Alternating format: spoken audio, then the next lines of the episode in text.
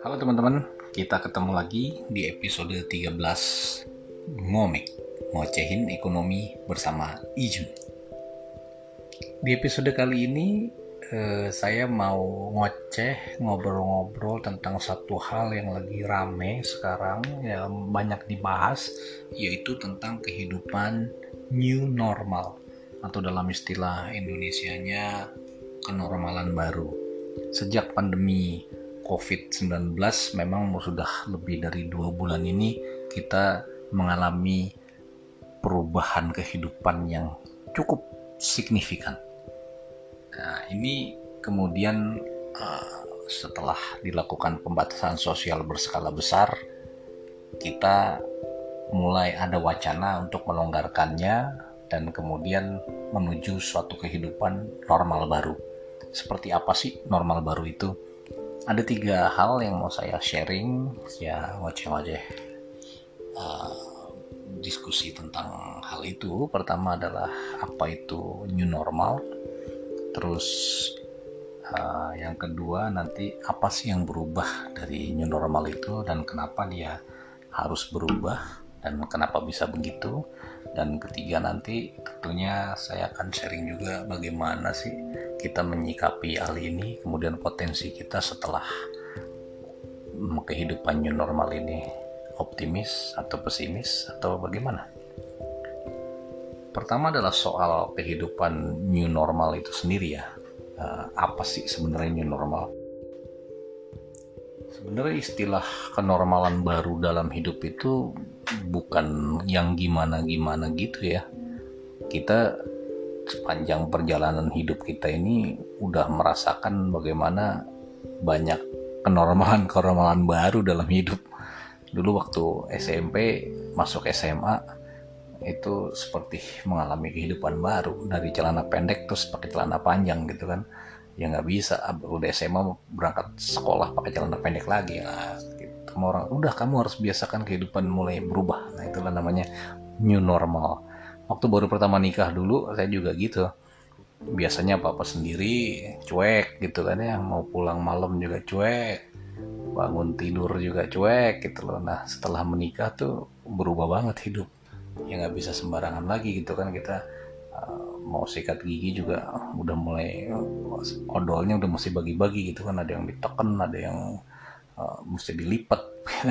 Beda-beda lah. Artinya uh, kehidupan sebelum nikah dan sesudah nikah itu beda. Dan itulah normal baru ya harus dibiasakan seperti itu. Waktu baru punya anak juga gitu. Waktu belum punya anak masih berjalan berdua aja tuh asik banget. Ke mana-mana ke bioskop malam minggu nonton mau makan sampai malam gitu kita pulang ya, kayak orang pacaran gitu aja asik. Begitu punya bayi nah nggak bisa tuh keluar malam lagi. Mulai kehidupan kita tuh mungkin setahun atau dua tahun lebih lah nggak nonton bioskop lagi. Nonton bioskop pikirannya anak gimana gitu kan ya. Zaman dulu kita nggak pakai kita kan bawa anak sendiri gitu ya. Jadi ya uh, kepikiran terus. Tapi itu new normal. Jadi kita membiasakan pada kehidupan new normal. Ya lama-lama terus jadi biasa. Akhirnya anak-anak besar juga berbeda lagi. Jadi uh, kehidupan new normal itu uh, sebenarnya ya sama dengan tahapan-tahapan kehidupan kita. Uh, tapi uh, setelah pandemi COVID 2019 ini, tentunya kehidupan kita signifikan sekali terasa dan ada sebuah proses penyesuaian ya adjustment proses yang terasa sekali uh, dan hampir terjadi di seluruh dunia bagaimana krisis kesehatan ini membawa keraguan, kekhawatiran, ambiguity, ya. kemudian juga stres, kepanikan tentang bagaimana sebenarnya bisa nggak kita kembali lagi hidup seperti dulu gitu kan. Nah tentunya uh, kita kalau bicara normal baru ya harus siap bahwa ini akan berubah dalam kehidupan seharian aja kita sudah melihat bagaimana lifestyle stay at home tuh orang-orang udah mulai terbiasa gitu kan. Mungkin kita malah bingung lagi kalau udah disuruh ke, mulai work from office lagi udah nggak bisa kayak dulu lagi pasti akan berbeda. Karena rapat dengan uh, virtual tuh jadi seperti kebiasaan kita sehari-hari kemudian pembayaran virtual ya kedua kita lihat pembayaran sekarang sudah sering dilakukan dengan pembayaran virtual. Udah jarang lagi kita pakai orang uang cash ya. Semua langsung pakai dompet elektronik. Nah, kemudian juga bagaimana uh, cara belanja kita juga berubah. Sudah mulai eh, nggak uh, banyak lagi banyak luxury goods gitu kan. Nah itu mungkin tuh membawa perubahan juga di dalam uh, kehidupan kita tapi dari sisi ekonomi permasalahan-permasalahan yang berubah itu cukup signifikan dan terasa sekali dampaknya terutama bagi uh, masyarakat yang informal atau masyarakat yang uh, terdampak akibat kehilangan pekerjaan. Ada tiga faktor terutama yang berbeda dibandingkan dengan krisis-krisis sebelumnya. Uh, pertama adalah bagaimana kita nanti akan ini uh, saya nggak bicara cuma di Indonesia ya, tapi kita lihat juga bagaimana kondisi global ya. Kita lihat hampir di seluruh negara itu uh, terjadi masalah krisis hutang terutama kan karena uh, pemerintah harus mendorong menstimulus ekonominya memberi bantuan kepada masyarakatnya dengan berhutang. Nah ini bukan hanya di Indonesia ya semua negara melakukan hal itu. Jadi akan ada uh, setelah ini ke depan bagaimana kita menyikapi uh, hutang yang besar itu dan tentunya Eh, masing-masing negara memiliki penyelesaian masing-masing. Dan kedua tentunya yang hal yang paling kita perlu serius lihat adalah masalah kesenjangan atau inequality, uh, jurang antara yang kaya dan miskin itu wealth gap. Ini yang harus kita perhatikan dengan serius karena dalam ekonomi yang sedang naik ke atas uh, akan menyebabkan biasanya sebagian masyarakat tertinggal ya. Jadi akan ada ada ada gap antara yang kaya dengan miskin. Tapi semakin besar gap itu akan membuat ekonomi atau kehidupan sosial semakin rapuh ketika ekonominya turun ke bawah. Nah, ketika itulah biasanya rapuh. Nah, ini terjadi sekarang di Amerika Serikat kalau kita semua lihat di berita bagaimana kerusuhan terjadi di banyak kota. Kasus George Floyd itu sebenarnya adalah sebuah pemicu dari sebuah masalah besar yang ada di bawah yaitu wealth gap yang besar. Nah ini yang harus kita cermati itu kenapa di banyak negara termasuk di kita upaya mendorong atau memberikan stimulus memberikan subsidi kepada masyarakat yang di bawah yang ke, ke, terkena dampak COVID ini menjadi penting dan ini dilakukan dengan baik oleh pemerintah kita. Mudah-mudahan ini bisa kita dukung bersama untuk memberi dukungan kepada masyarakat-masyarakat terdampak yang menganggur, yang ya, dari uh, tidak punya kerjaan menjadi tidak punya kerjaan. Nah ini didorong uh, oleh stimulus-stimulus uh, fiskal oleh pemerintah. Jadi pemerintah itu punya uh, power untuk menentukan uang ini digunakan untuk apa. Nah, pemerintah punya kemampuan itu. Nah, ini yang dilakukan oleh pemerintah. Nah, bank sentral di satu sisi mampu menambah likuiditas ke pasar melalui melalui pasar keuangan ya, pasar finansial melalui perbankan. Tapi bank sentral itu tidak bisa menentukan ini buat siapa buat siapa buat siapa itu kewenangannya pemerintah. Nah, pemerintah bisa menentukan itu, tapi likuiditasnya membutuhkan bank sentral. Nah, di sinilah perlunya sinergi koordinasi antara pemerintah dan bank sentral di suatu negara dan ini yang uh, terjadi yang dilakukan dengan kita lihat cukup baik di negara kita ini. Yang ketiga adalah perubahan yang berbeda itu adalah bagaimana kita lihat akan bangkit sebuah kekuatan ekonomi baru di dunia ini ya. Kalau saya sih ngeliatnya akan tumbuh. Amerika ini kehilangan perannya sebagai global leader. Dulu tuh Amerika kan selalu global leader ya. Kalau ada kasus apa dia muncul seperti leader. Sekarang yang terjadi Amerika sibuk dengan penyelesaian masalah dirinya sehingga dunia seperti kehilangan pemimpin dunia dan ini yang menyebabkan nanti akan muncul kekuatan-kekuatan baru. Nah, yang uh, topik ketiga yang saya mau sharing juga di sini adalah bagaimana kita bisa menyelesaikan berbagai masalah ini tanpa harus mengalami sebuah struktural breakdown dan dilakukan secara damai, tenang dan bersinergi antara elemen-elemen bangsa kita ini. Tentunya ini adalah sebuah proses panjang. Kita nggak melihat ini langsung misalkan hanya dalam enam bulan bangkit itu tidak juga seperti itu. Tapi hasil analisis dari salah satu lembaga kemarin saya baca tuh Indonesia ini termasuk tiga besar negara di dunia yang akan cepat bangkit dari uh, pandemi uh, dari krisis pandemi eh, COVID-19 uh, ini karena dilihat dari kekuatan-kekuatan ekonomi kita. Kalau saya sih termasuk orang yang optimis ya dalam melihat bagaimana negara kita ini bangkit. Karena kalau kita lihat sepanjang perspektif yang agak panjang, krisis itu selalu terjadi dari masa ke masa. Kalau krisis ekonomi sendiri aja dari tahun 73 sampai sekarang itu telah terjadi ratusan krisis yang besar kayak krisis minyak di tahun 73 kemudian di tahun 70 ekonomi Jepang tumbuh menyebabkan krisis tahun 80 di Jepang hingga sekarang ada krisis Nordik di tahun 92 kemudian krisis moneter di 9798, kemudian krisis global di tahun 2008, dan hampir di semua krisis we survive gitu loh. Spesies manusia ini survive. Artinya kita punya sebuah kekuatan uh, sebagai spesies manusia untuk dapat bertahan dari setiap krisis. Tapi dari setiap kejadian-kejadian itu yang terjadi adalah sebuah tatanan-tatanan baru biasanya. Kita lihat sebelum 9798 di negara kita itu kalau berhutang uh, kita nggak tahu berapa maksudnya berhutang luar negeri kita nggak tahu cuman kalau perusahaan hutang di luar negeri hutang aja gitu kan nggak tahu ini terus ke perbankan mau ngasih kredit mau minjem apa nggak jelas ininya jaminannya atau segala macamnya nah ini setelah 9798 itu kita mulai belajar melakukan pencatatan dengan baik dan transparansi yang uh, baik akuntabilitas kepada publik. Jadi sekarang kita tahu persis hutang pemerintah itu berapa, hutang perusahaan-perusahaan berapa dan perusahaan-perusahaan itu sekarang diwajibkan melaporkan gitu ya kalau dia berhutang segala macam harus ada laporannya. Perbankan juga harus membuat rencana bisnis, melaporkan hutang luar negerinya. Sehingga kita punya sebuah catatan. Dan ini adalah tatanan baru yang terjadi karena krisis. Kita menuju kepada sebuah tatanan yang lebih baik.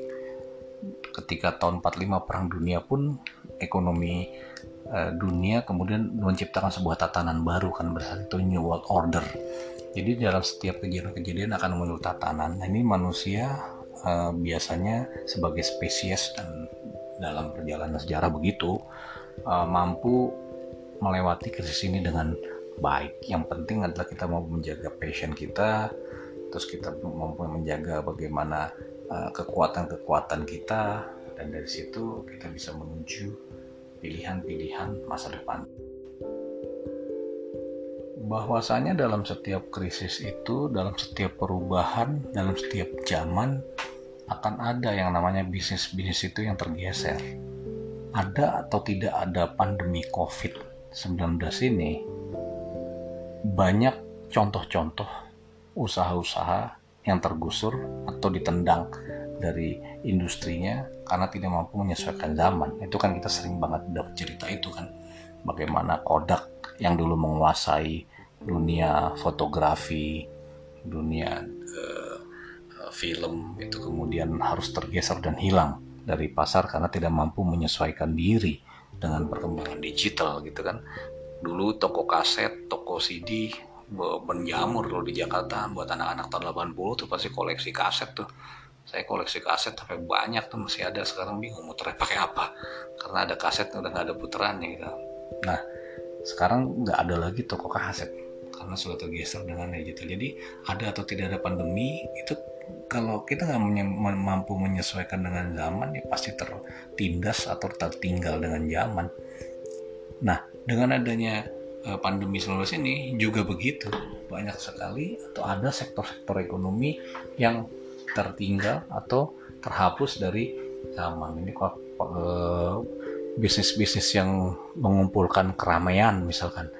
Nah itu sudah dalam kondisi begini pasti akan susah kan. Bisnis pariwisata juga begitu terpukul. Tapi tentu ada peluang-peluang di sana kan. Jadi ada peluang-peluang. Kita lihat di sini akan tumbuh yang namanya ekonomi kreatif. Kita lihat kreativitas-kreativitas akan tumbuh.